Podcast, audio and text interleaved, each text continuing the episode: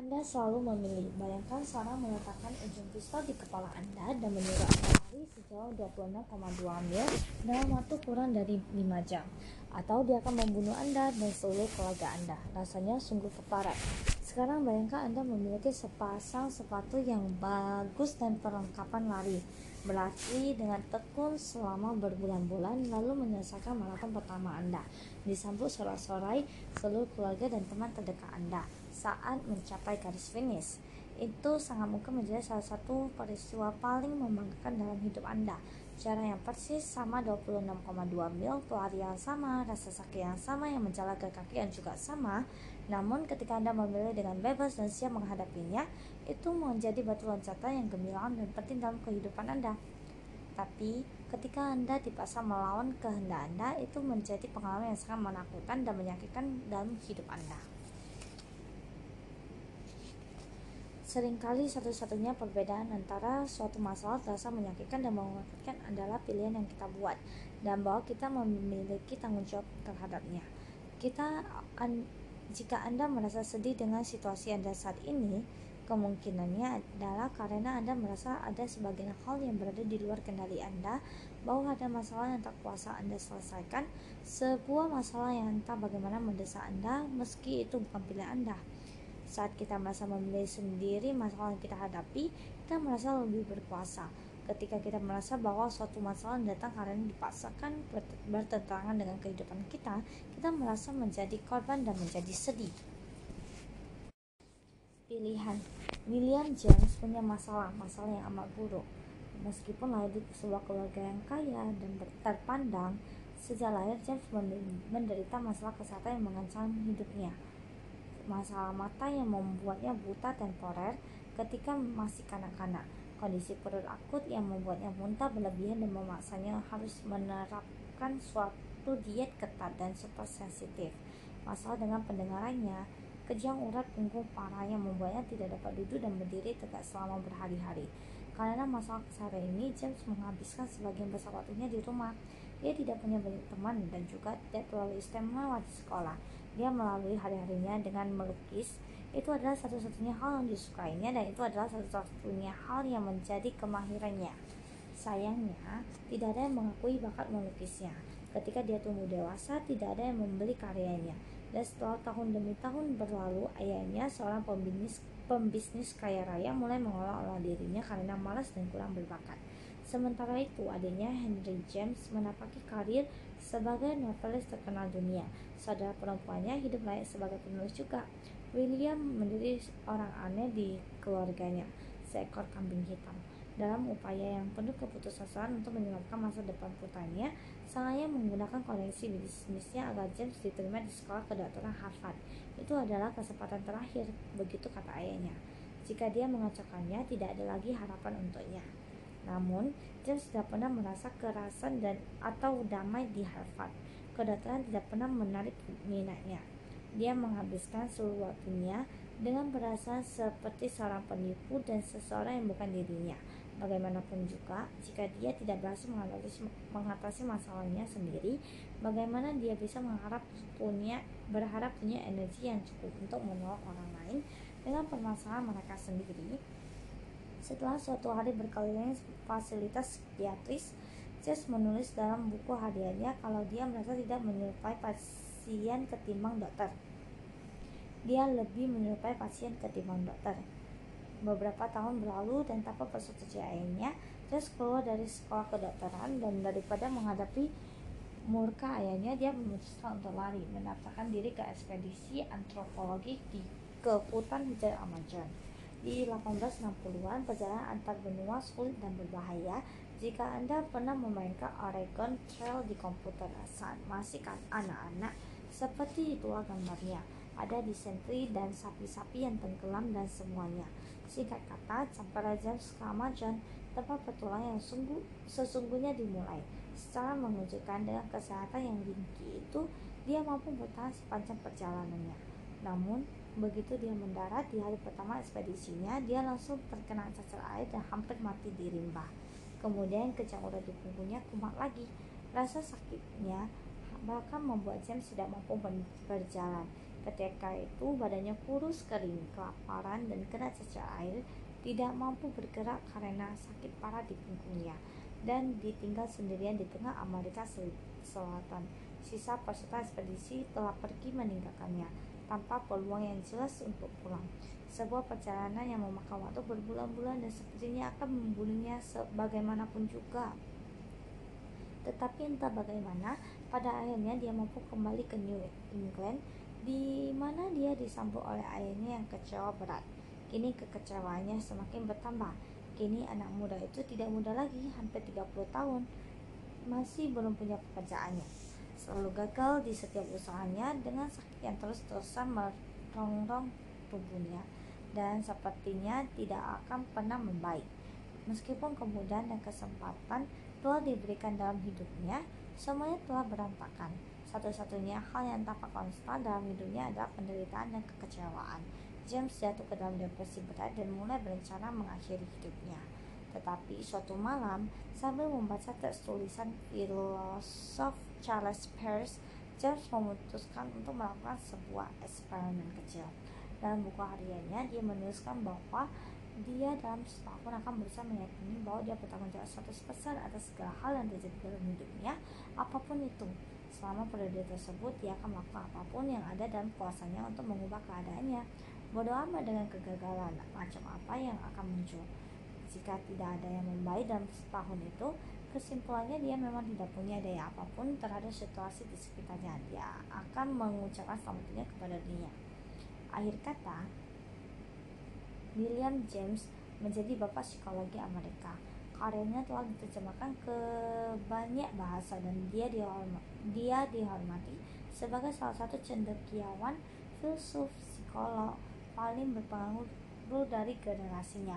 Dia mengajar di Harvard dan berkeliling Amerika Serikat dan Eropa untuk memberikan kuliah. Dia menikah dan memiliki lima anak, satu satu. Salah satunya Henry, menjadi penulis biografi terkenal dan memenangkan Pulitzer Prize. James kemudian memberi judul eksperimen kecilnya, lahir kembali dan bersyukur atas segala hal yang telah dilaluinya dalam hidupnya. Semua peningkatan dan pertumbuhan pribadi muncul berkat adanya sebuah kesadaran sederhana. Kesadaran itu adalah bahwasanya kita secara pribadi bertanggung jawab atas segala hal dalam hidup kita, tak peduli seperti apa kondisi di luar diri kita. Kita tidak bisa selalu mengambil kendali terhadap apa yang terjadi di pada kita, namun kita selalu bisa mengendalikan cara kita menafsirkan segala hal yang menimpa kita dan cara kita merespons. Entah kita menyadari atau tidak, kita selalu bertanggung jawab atas pengalaman kita dari kita mustahil kita tidak bertanggung jawab memilih dengan sadar untuk tidak menafsirkan peristiwa dalam hidup kita tetaplah sebuah penafsiran terhadap peristiwa kehidupan kita. Memilih untuk tidak menanggapi peristiwa dalam hidup kita tetap saja sebuah pertanggapan terhadap peristiwa tersebut.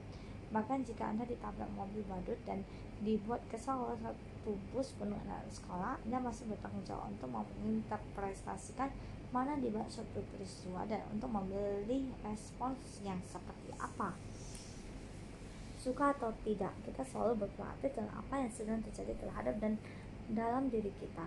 Kita selalu menafsirkan makna dari setiap peristiwa dan kejadian.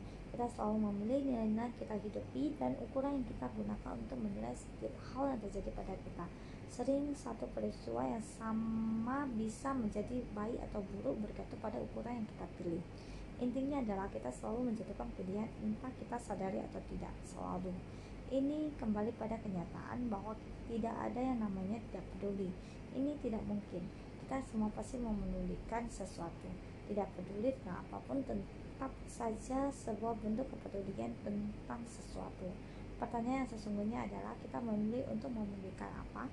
Nilai apa yang kita pilih sebagai dasar dari tindakan kita?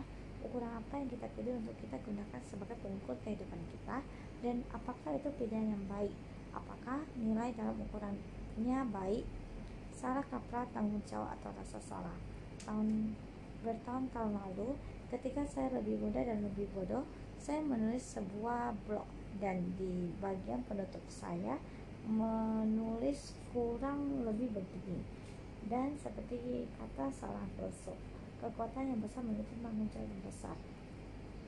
Ini terdengar keren dan berwibawa. berwibawa. Saya lupa siapa yang mengatakan hal ini, Pencarian di mesin Google saya tidak menunjukkan hasil apa pun.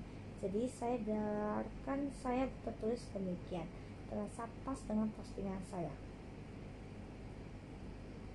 Sekitar 10 menit kemudian, komentar pertama masuk. Kayaknya sang filsuf hebat yang Anda sebut itu adalah paman Ben dari film Spider-Man. Seperti kata filsuf besar lainnya. Duh, kekuatan yang besar menuntut tanggung jawab yang besar. Kata-kata terakhir Ben sebelum seorang pencuri yang dibiarkan lolos oleh Peter Parker membunuhnya di trotoar dipadati orang tanpa alasan yang bisa diterima. Dialah yang filsuf, dialah sang filsuf hebat. Kita masih sering mendengar kutipan tersebut. Kata-kata ini sering keluar biasanya terdengar ironis dan muncul setelah mendeng gelas bir ketujuh. Ini adalah salah satu kutipan yang sempurna dan terdengar sangat intelektual.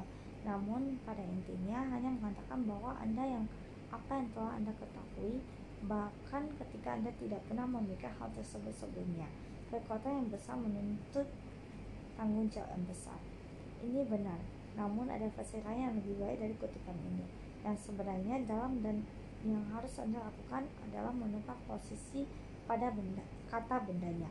Tanggung jawab yang besar menuntut kekuatan yang besar. Semakin kita memilih untuk menerima tanggung jawab dalam kehidupan kita, semakin besar kekuatan yang dibutuhkan untuk menjalani hidup. Menerima tanggung jawab atas masalah yang kita hadapi menjadi langkah pertama untuk menyelesaikannya. Saya pernah mengenal seorang pria mengaku bahwa alasan dibalik tidak ada seorang wanita pun yang mau diajak berkencan adalah karena dia terlalu pendek. Pria ini terpelajar, menarik, dan tampan. Yang jelas tipe yang sangat ideal. Namun dia sungguh yakin kalau dia terlalu pendek untuk kita untuk bisa berkencan dengan wanita.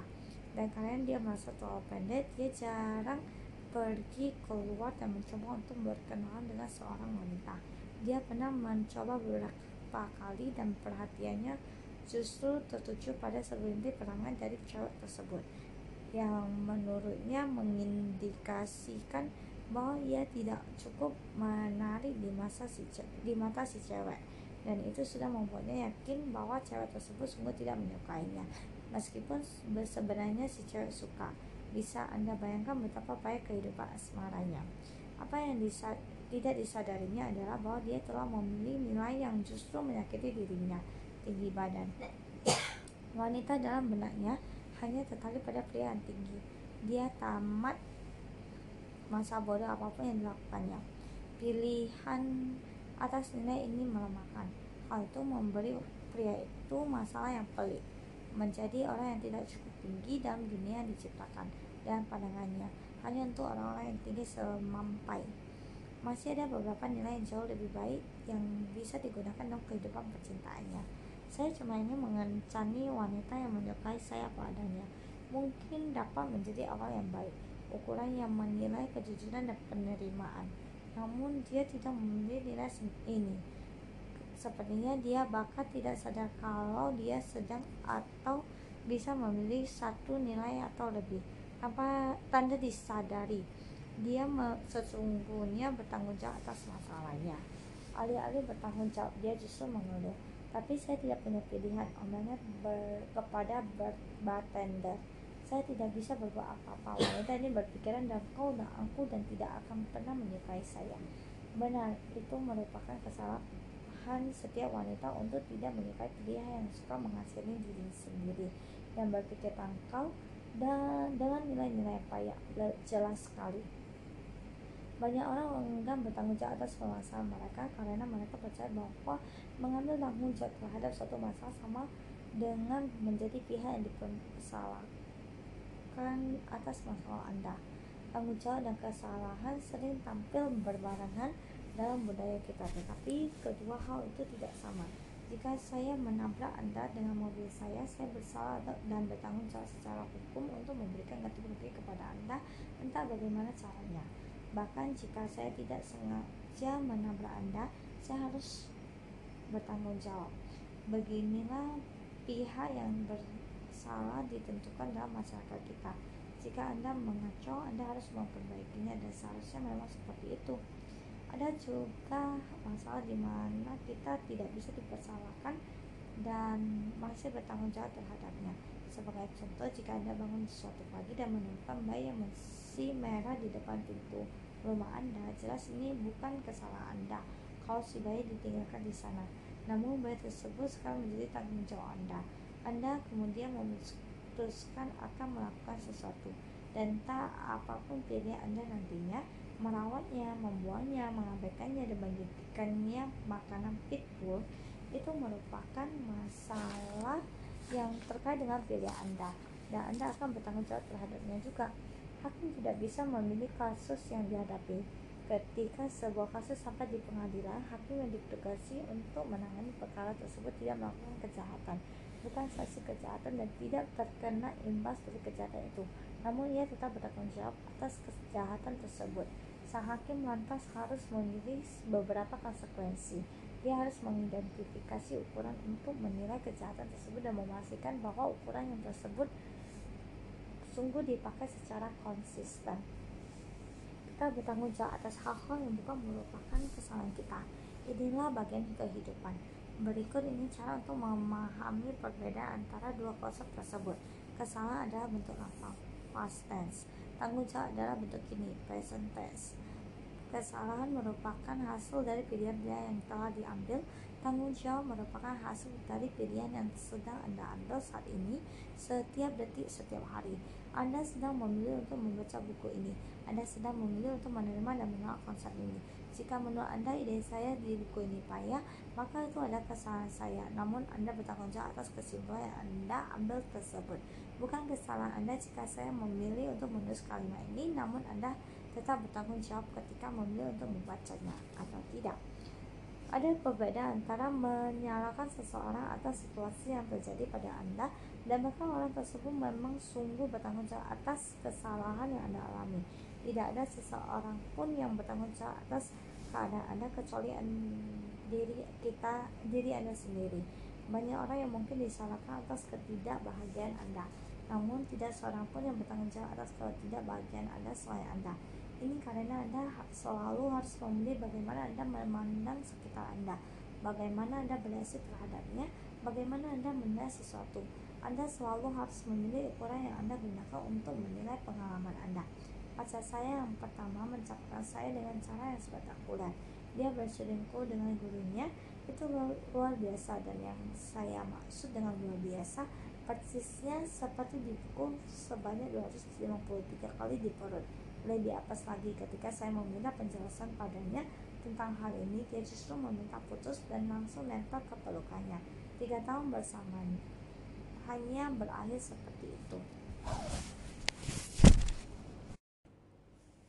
saya nuansa selama beberapa bulan sesudahnya. Sudah saya duga sebelumnya, tetapi saya juga berpikir bahwa dialah yang bertanggung jawab atas kepedihan saya. Dengan begitu, ia justru tidak membuat saya bisa melangkah ke depan. Itu hanya membuat rasa pedih semakin parah. Lihat, saya tidak bisa mengendalikan dia. Tidak peduli berapa kali saya memanggil-manggilnya atau menarikin namanya atau memohon agar dia mau kembali ke pelukan saya atau membuat kunjungan kejutan ke tempatnya atau hal-hal mengerikan dan irasional lain yang biasa dilakukan seorang mantan. Saya tidak akan pernah bisa mengendalikan emosi dan tindakannya. Pada akhirnya, meskipun dia yang patut disalahkan atas apa yang saya rasakan, dia tidak pernah bertanggung jawab atas apa yang saya rasakan. Salah yang harus bertanggung jawab. Pada suatu titik, setelah aliran air mata dan alkohol dirasa telah cukup, saya mulai berpikir dan memahami bahwa meskipun dia telah melakukan sesuatu yang buruk kepada saya dan dia layak disalahkan, sekarang bertanggung jawab saya lah untuk membuat diri saya kembali gembira. Dia tidak akan pernah muncul dan memperbaiki segala hal yang terjadi pada saya. Saya harus memperbaiki sendiri. Ketika saya melakukan pendekatan itu, beberapa hal mungkin terjadi. Pertama, saya memelukkan diri saya. Saya mulai berolahraga dan menghabiskan lebih banyak waktu dengan teman-teman saya yang telah saya abaikan. Saya mulai dengan sukarela menemui orang-orang baru. Saya melakukan banyak perjalanan studi ke luar negeri dan menjadi relawan. Dan perlahan saya mulai merasa lebih baik. Saya masih kesal dengan mata saya atas apa yang telah dilakukannya, tetapi setidaknya sekarang saya mengambil uang bertanggung jawab atas emosi saya sendiri.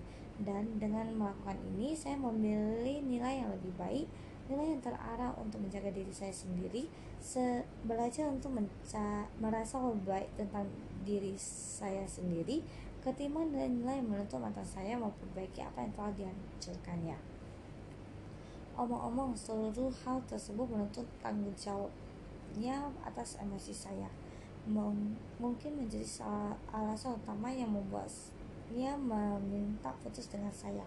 Saya akan membahas hal ini secara lebih detail di dua bab ke depan. Kemudian, ketika setahun berikutnya, sesuatu yang sesuatu yang lucu terjadi.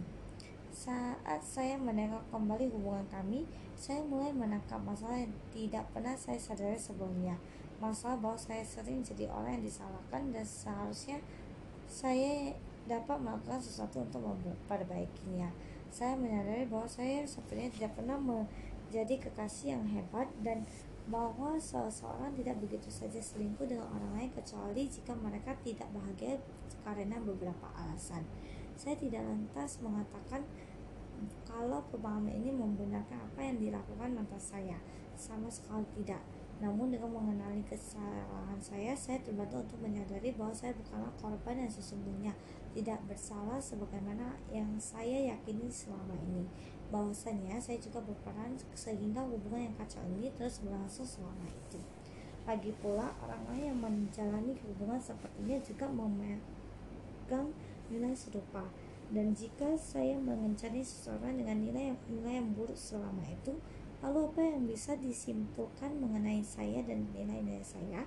Saya disadarkan bahwa jika pacar-pacar Anda bersikap egois dan tegas melukai Anda, maka sejatinya Anda pun juga demikian. Anda harus bisa menyadarinya. Saya menengok ke belakang, saya bisa melihat dan menyadari ada semacam rambu-rambu yang diberikan pacar saya yang seharusnya saya pahami. Namun saya memilih tidak mengabaikan atau bahkan menghapus rambu-rambu itu ketika saya bersamanya. Itulah kesalahan saya. Ketika merefleksikan kembali, saya sadar bahwa saya tidak pernah menjadi boyfriend of the year baginya. Faktanya, saya sering bersikap dingin dan elegan terhadapnya. Di kesempatan lain, saya menyia-nyiakan dan membuatnya kecewa dan terluka. Hal ini merupakan kesalahan saya juga. Apakah kesalahan-kesalahan saya membenarkan perselingkuhan pacar saya? Tidak. Namun tetap saja, saya memiliki tanggung jawab untuk tidak pernah membuat kesalahan saya sama sekali kesalahan yang sama lagi. Dan tidak pernah menganggap remeh rambu-rambu yang sama lagi.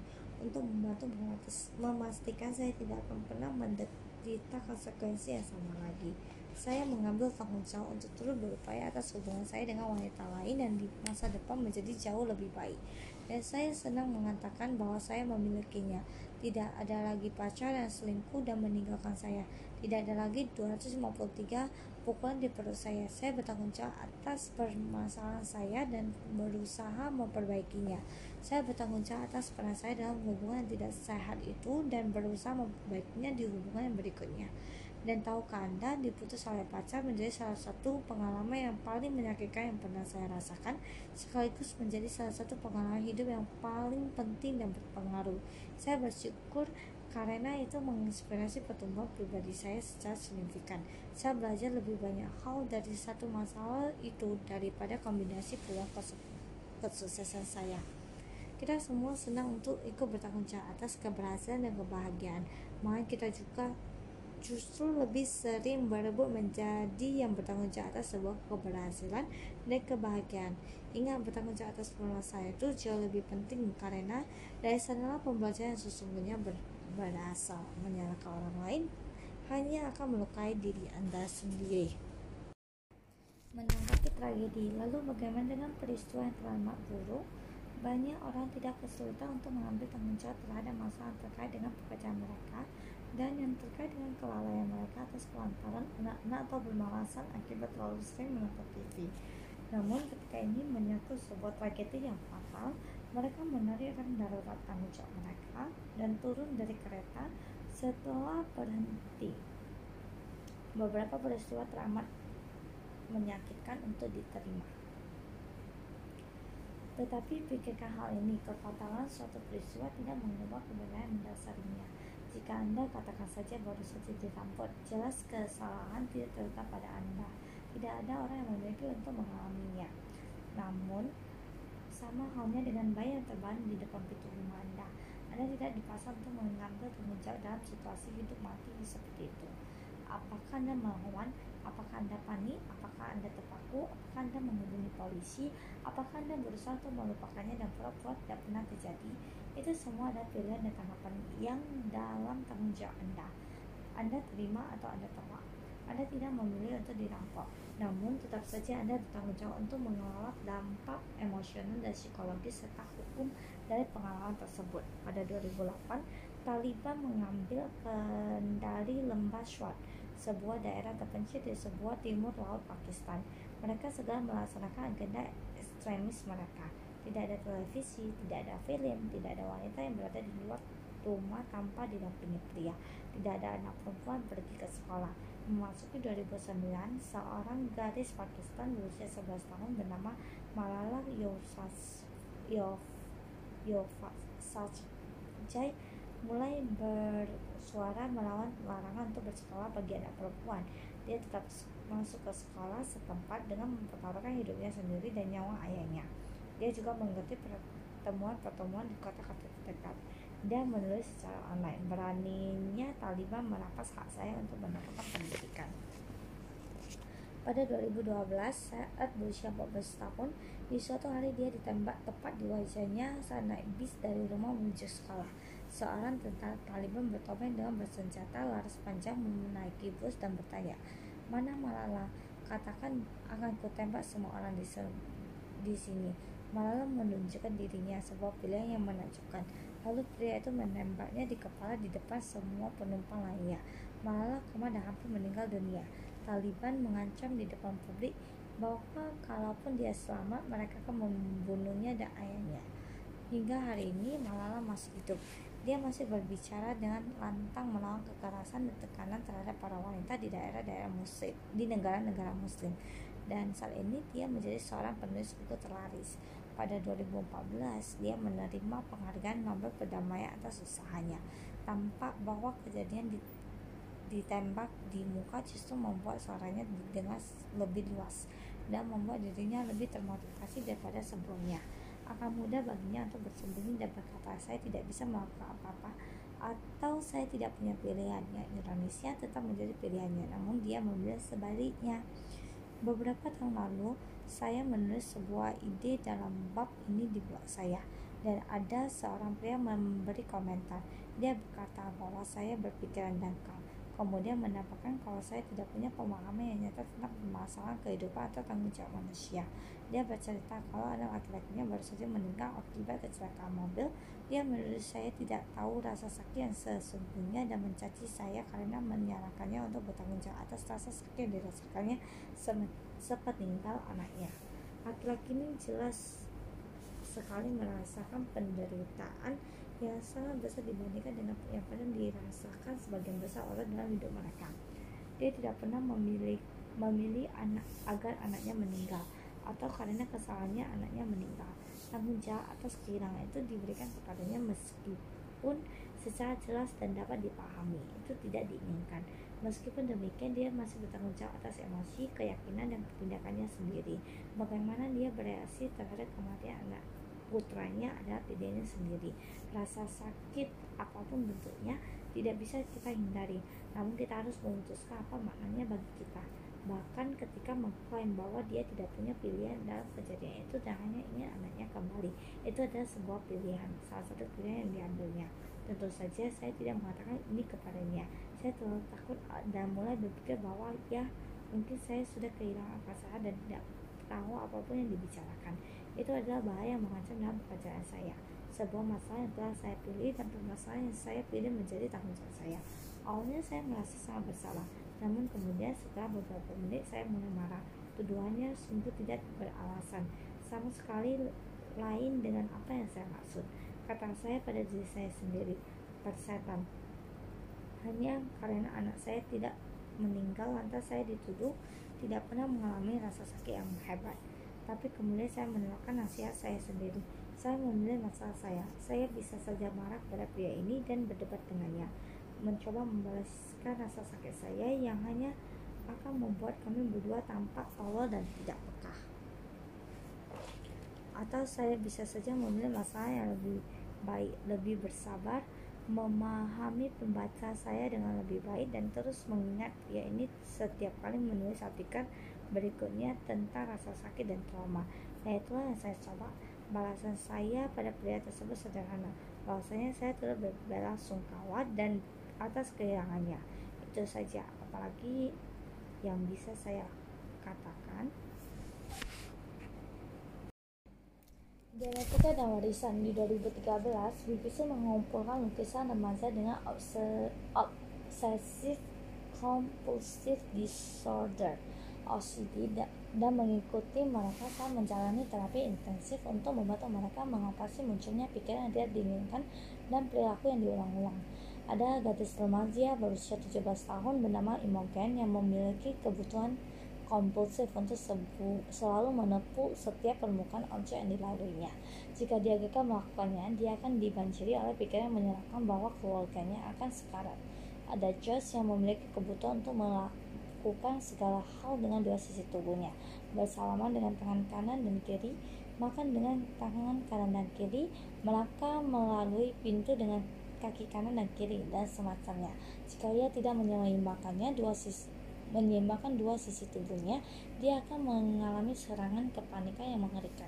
Ada juga Jack, contoh klasik seorang germofobe yang menolak untuk meninggalkan rumahnya tanpa memakai sarung tangan, merebus air sebelum meminumnya dan tidak mau makanan yang tidak dibersihkan atau disiapkannya sendiri. OCD merupakan penyimpangan syaraf dan genetika yang parah dan tidak bisa disembuhkan. Hal terbaik yang bisa dilakukan adalah dengan mengelolanya. Dan seperti yang kita semua lihat, mengelola pikiran yang menyimpang dimulai dengan mengelola nilai yang dimiliki seseorang. Hal pertama yang dilakukan psikiater dalam proyek ini adalah mengatakan kepada anak-anak tersebut untuk menerima ketidaksempurnaan dari keinginan mereka yang kompulsif. Yang artinya, sebagai salah satu contoh, bahwa ketika Imogen dibanjiri pikiran yang mengerikan bahwa keluarganya sekarat, dia diajak untuk menerima kalau keluarganya memang akan meninggal suatu hari nanti dan tidak ada yang bisa dilakukan untuk mencegahnya. Mengatakan kepadanya bahwa apa yang terjadi terhadapnya bukannya kesalahannya.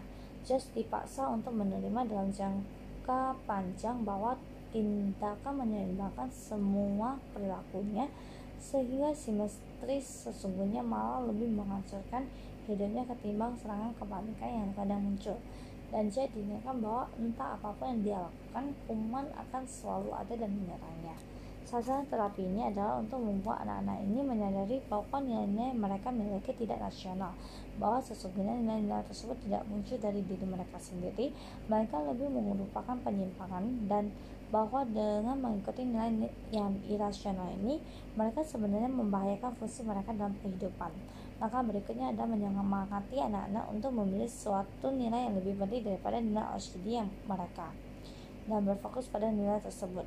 Bagi Josh ini adalah peluang untuk tidak selalu menyembunyikan perilaku menyimpang yang dimilikinya dari teman-teman dan keluarganya. Harapan untuk memiliki suatu kehidupan yang sosial yang normal. Bagi Imogen, Idenya adalah untuk mengambil alih kendali atas pikiran dan perasaan sendiri serta kembali syariah. Dan untuk Jack, targetnya adalah lah ia yang mampu meninggalkan rumahnya dalam periode waktu yang lama tanpa mendapatkan pengalaman traumatis yang besar. Dengan nilai-nilai baru yang ada di benak mereka pada remaja ini berarti mengatasi keresahan mereka yang intensif dengan memaksa diri mereka untuk menghidupi nilai hidup mereka yang baru. Sedangkan kepanikan tersebut tangis pecah Jack mulai memukuli pajangan yang ada di dekatnya dan kemudian segera mencuci tangannya. Dan di akhir program dokumenter itu tampaknya kemajuan besar yang diraih. Mungkin tidak lagi butuh menyentuh setiap permukaan benda yang ditemuinya.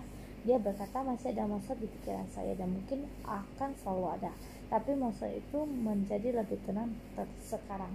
Just mampu melewati 25 hingga 30 menit tanpa harus menyeimbangkan tubuh kanan dan dan C yang mungkin mengalami perkembangan paling pesat. Sekarang mampu pergi ke restoran dan minum dari botol dan gelas tanpa harus mencuci terlebih dahulu. C merangkum semua yang telah dipelajarinya dengan baik. Saya tidak memilih kehidupan seperti ini. Saya tidak memilih kondisi yang sangat mengerikan ini. Namun saya harus memilih bagaimana untuk menghidupinya. Saya harus memilih bagaimana saya bisa hidup dengan keadaan ini. Banyak orang terkait dengan kekurangan, entah asli atau bertubuh kecil atau sesuatu yang sangat berbeda. Seakan-akan mereka menyimpang dari sesuatu yang sangat bernilai. Mereka merasa tidak ada yang dapat mereka lakukan jadi mereka menghindari tanggung jawab atas situasi mereka. Mereka tahu saya tidak memilih genetik yang buruk ini. Jadi bukan saya saya jika terjadi hal-hal yang buruk. Dan benar ini bukan salah mereka, tetapi mereka tidak harus bertanggung jawab. Dulu di masa-masa kuliah saya, saya punya fantasi menjadi seorang pemain poker profesional. Saya memenangkan uang dan segalanya dan itu menyenangkan. Namun setelah hampir setahun menggeluti bidang ini, saya berhenti kebiasaan bergadang menatap layar komputer, memenangkan ribuan dolar sehari, dan kehidupan dan kehilangan hampir semuanya keesokan harinya. Jelas bukan untuk saya, dan itu juga bukan cara mendapatkan penghasilan yang paling stabil secara kesehatan dan emosional. Namun permainan poker secara menunjukkan memiliki pengaruh yang kentara pada cara saya memandang kehidupan. Keindahan permainan poker ada pada bahwa sekalipun bersandar pada keberuntungan, keberuntungan itu tidak menentukan hasil akhir pertandingan. Seseorang bisa saja mendapatkan kartu yang jelek dan mengalahkan seseorang dengan kartu yang sangat bagus. Tentu orang yang mendapatkan kartu yang bagus di atas kertas sepertinya memiliki kesempatan yang menang lebih besar, tetapi pada akhirnya sang pemenang ditentukan oleh ya bisa Anda tebak pilihan dibuat setiap pemain Selama permainan berjalan, saya membenarkan kehidupan dengan cara yang kurang lebih sama. Kita semua mendapatkan kartu. Beberapa dari Anda, kita mendapat kartu yang lebih bagus daripada lainnya. Dan meskipun mudah saja untuk menyerah dan merasa bahwa kita telah dikalahkan, permainan yang sebenarnya terletak pada pilihan yang kita buat terhadap kartu tersebut dan resiko yang akan kita ambil dan pilihan konsekuensi yang akan kita jalani. Orang-orang yang secara konsisten membuat pilihan terbaik dalam situasi apa pun adalah mereka yang pada akhirnya memenangkan pertandingan ini. Seperti halnya dalam kehidupan, dan itu tidak harus mereka yang memiliki kartu terbaik. Benar ada beberapa orang yang secara psikologis dan kondisional menderita akibat kelainan syaraf dan atau genetik, tetapi itu tidak mengubah pun tentu mereka mewarisi sesuatu yang buruk dan tidak boleh disalahkan. Kita tidak bisa menyalahkan seseorang seorang pria pendek yang ingin bekerja atau hanya karena dia pendek atau korban perampokan disalahkan karena dia dirampok. Meski demikian itu masih tetap saja tanggung jawab mereka. Entah mereka memilih untuk mendapatkan bantuan psikiater tetapi atau tidak melakukan apa pun pada akhirnya mereka tidak harus membuat pilihan. Ada orang yang menderita karena masa kanak-kanak yang buruk, ada yang dilecehkan dan mengalami kekerasan bahkan dihabiskan secara fisik, emosional, finansial. Mereka tidak dapat disalahkan atas masalah atau hambatan mereka, tetapi mereka tetap bertanggung jawab senantiasa bertanggung jawab untuk melanjutkan hidup apa pun permasalahan yang mereka hadapi dan membuat pilihan terbaik semampu mereka dalam situasi apa pun. Dan anda kita jujur di sini. Seandainya Anda berusaha mengumpulkan siapa saja yang mengalami penyimpanan kejiwaan, bertarung melawan depresi dan pikiran untuk bunuh diri, dan terabaikan atau diperlakukan dengan kejam bila Anda tragedi atas meninggalnya orang tercinta dan mampu bertahan dari berbagai isu kesehatan yang parah, kecelakaan dan trauma. Jika Anda mengumpulkan semua orang itu dalam satu ruangan, maka sepertinya Anda akan memasukkan setiap orang di muka bumi karena tidak seorang pun dapat melalui kehidupan tanpa membawa bekas buka di luar pintu keluar. Tentu beberapa orang terbebani dengan masalah yang lebih parah ketimbang orang lain dan beberapa orang ditimpa aneka bencana secara mengerikan. Namun meskipun sedikit banyak ini mungkin membuat kita jatuh pada akhirnya ini tidak mengubah apa pun mengenai tanggung jawab yang melekat pada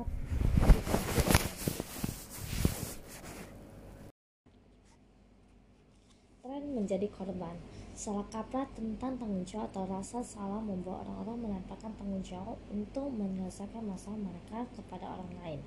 Kemampuan untuk melepaskan tanggung jawab dengan cara menyalahkan orang lain, memberikan kenikmatan yang cuma sementara, juga memberikan sensasi kenikmatan menjadi orang yang benar baik secara moral.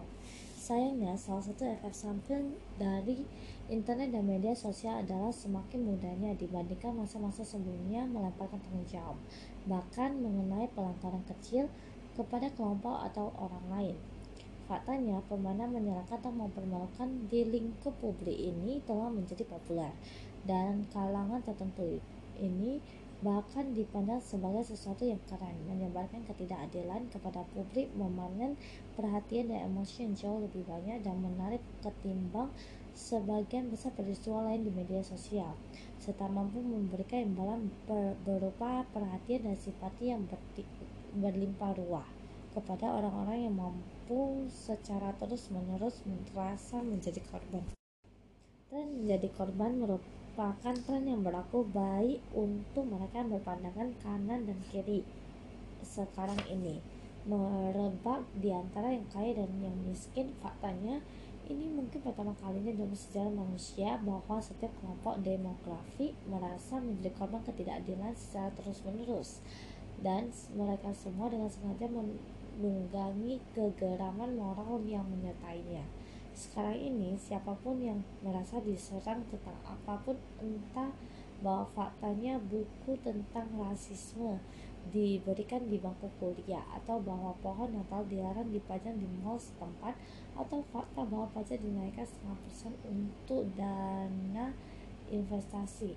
Merasa seakan mereka sedang ditekan dengan cara sedemikian rupa dan karena itu berhak meluapkan amarah mereka dan untuk mendapatkan sejumlah perhatian tertentu iklim media saat ini secara bersama mendorong sekaligus melanggengkan reaksi semacam ini karena itu menguntungkan untuk bisnis. Penulis dan komentator media Ryan Holiday menyebut bahwa hal ini secara sebagai pornografi kemarahan. Ketimbang melaporkan kisah dan masalah yang sesungguhnya, media tahu bahwa akan lebih mudah atau lebih menentukan mencari sesuatu yang bersifat sedikit menyerang suatu pihak menyebarkan kepada audiens luas, menciptakan kemarahan dan kemudian menyerahkan kembali kemarahan itu ke seluruh populasi manusia dengan sebuah cara yang memicu kemarahan sebagai populasi lainnya. Ini memicu semacam gaung umum kosong yang membantu balik-balik di antara dua sisi imajiner dan di saat yang bersama mengalihkan setiap orang dari masalah sosial yang sebenarnya. Tidak mengherankan kita semakin terpolarisasi secara politik dibanding sebelum-sebelumnya. Masalah terbesar dari tren menjadi korban adalah bahwa ini semakin menjauhkan perhatian kita dari korban yang sesungguhnya. Ini seperti bocah laki-laki menirukan golongan sing serigala. Semakin banyak orang yang menyatakan dirinya korban atas suatu pelanggaran kecil akan semakin sulit untuk melihat siapa korban yang sebenarnya. Orang-orang pun menjadi kecanduan, merasa dirinya tak henti-hentinya diserang karena ini memberi mereka kenikmatan, menjadi pihak yang dibenarkan dan secara moral menjadi superior itu terasa enak. Seperti digambar seorang kartunis kartunis politik Tim Fraser di New York Times of It. Luapan kemarahan seperti banyak hal lainnya terasa enak, tapi setelah beberapa lama itu akan menyerang kita dari dalam dan ini bahkan lebih berbahaya daripada kejahatan itu sendiri karena kita bahkan secara tidak sadar mengakui kalau ini sebuah kenikmatan. Namun bagian dari hidup dalam sebuah masyarakat yang demokratis dan bebas adalah bahwa kita semua harus berhadapan dengan berbagai pandangan dan orang yang bersebelahan dengan kita. Itulah harga yang kita bayar.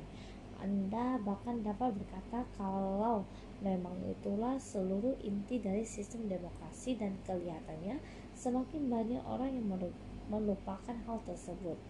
Kita disarankan untuk memilih pertempuran kita dengan hati-hati sambil terus menerus mencoba sedikit berempati terhadap mereka yang kita sebut musuh. Sebaiknya kita mendahulukan nilai-nilai kejujuran, memelihara keterbukaan, dan menerima keraguan yang muncul atas nilai-nilai seperti merasa paling benar, merasa enak, dan membahas dendam. Nilai-nilai demokratis di atas akan sulit dipertahankan di tengah-tengah selalu bisinya dunia terhubung satu sama lain. Tetapi kita suka tidak suka harus menerima tanggung jawab tersebut dan merawatnya. Stabilitas sistem politik kita di masa depan bisa saja bergantung pada hal ini. Tidak ada bagaimana. Banyak orang mungkin mendengar semua hal ini dan kemudian mengatakan sesuatu seperti, "Oke, okay, tapi bagaimana?" Saya sadar bahwa nilai yang saya miliki payah dan bahwa saya menghindari tanggung jawab dari semua permasalahan saya dan bahwa saya orang cengeng yang berpikir bahwa dunia harus mengitari saya beserta setiap ketidaknyamanan yang saya alami. Namun bagaimana saya bisa berubah? Dan mengenai hal ini saya katakan dengan menirukan gaya bicara Yoda seperti mungkin lakukan atau jangan lakukan. Tidak ada bagaimana. Anda sudah memilih di setiap momen di setiap hari apa yang Anda pedulikan. Jika berubah, itu kesederhana. Itu sesederhana memilih untuk memiliki hal lain. Sungguh sesederhana itu, tapi itu tidak mudah ini tidak mudah karena pada awalnya Anda akan merasa seperti seorang bercendang, menipu, tolong. Anda akan merasa gugup, Anda akan ketakutan, Anda mungkin akan marah kepada istri dan teman atau ayah Anda dalam proses ini.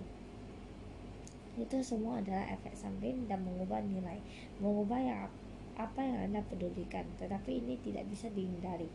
Ini sederhana namun sungguh-sungguh berat. Mari kita lihat beberapa efek sampingnya. Anda akan merasa tidak yakin, saya jamin. Haruskah saya sungguh merelakan ini? Apakah ini hal yang benar untuk dilakukan? Melepaskan suatu nilai yang telah melekat pada Anda selama bertahun-tahun akan membuat Anda mengalami disorientasi karena Anda tidak tahu lagi mana yang baik dan mana yang buruk. Ini sulit, tapi ini wajar. Berikutnya, Anda akan merasa telah gagal anda telah menghabiskan separuh hidup Anda mengukur diri Anda menggunakan nilai yang lama tersebut. Jadi ketika Anda mengganti prioritas, mengubah ukuran Anda dan berhenti melakukan perilaku yang sama, Anda akan gagal menemukan ukuran lama yang terpercaya itu dan karenanya Anda akan segera merasakan semacam kepalsuan yang atau merasa tidak menjadi siapa pun. Ini juga merupakan hal yang normal dan juga tidak nyaman dan Anda pasti akan mengalami penolakan. Banyak hubungan dalam hidup Anda dibangun di atas nilai-nilai yang Anda jaga. Jadi momen saat Anda mengubah nilai tersebut, momen Anda memutuskan bahwa belajar lebih penting daripada berpesta, mau menikah dan membangun sebuah keluarga lebih penting daripada gonta-ganti pasangan seks, bahwa melakukan pekerjaan yang Anda yakini lebih penting daripada uang perubahan Anda ini akan menggema dalam seluruh hubungan Anda dan banyak di antaranya akan meledak di muka Anda. Ini juga hal yang normal dan tidak akan membuat nyaman. Ini penting meskipun menyakitkan. Efek samping dari membuat pilihan untuk memindahkan kepedulian Anda ke tempat lain, ke tempat yang jauh lebih penting dari layak bagi energi Anda. Seketika anda menyetir ulang nilai-nilai Anda, Anda akan menemui penolakan secara internal atau eksternal dalam perjalanan Anda. Lebih dari itu, Anda akan merasa tidak yakin. Anda akan bertanya-tanya apakah yang Anda lakukan salah. Namun, seperti yang Anda lihat, ini adalah hal yang baik.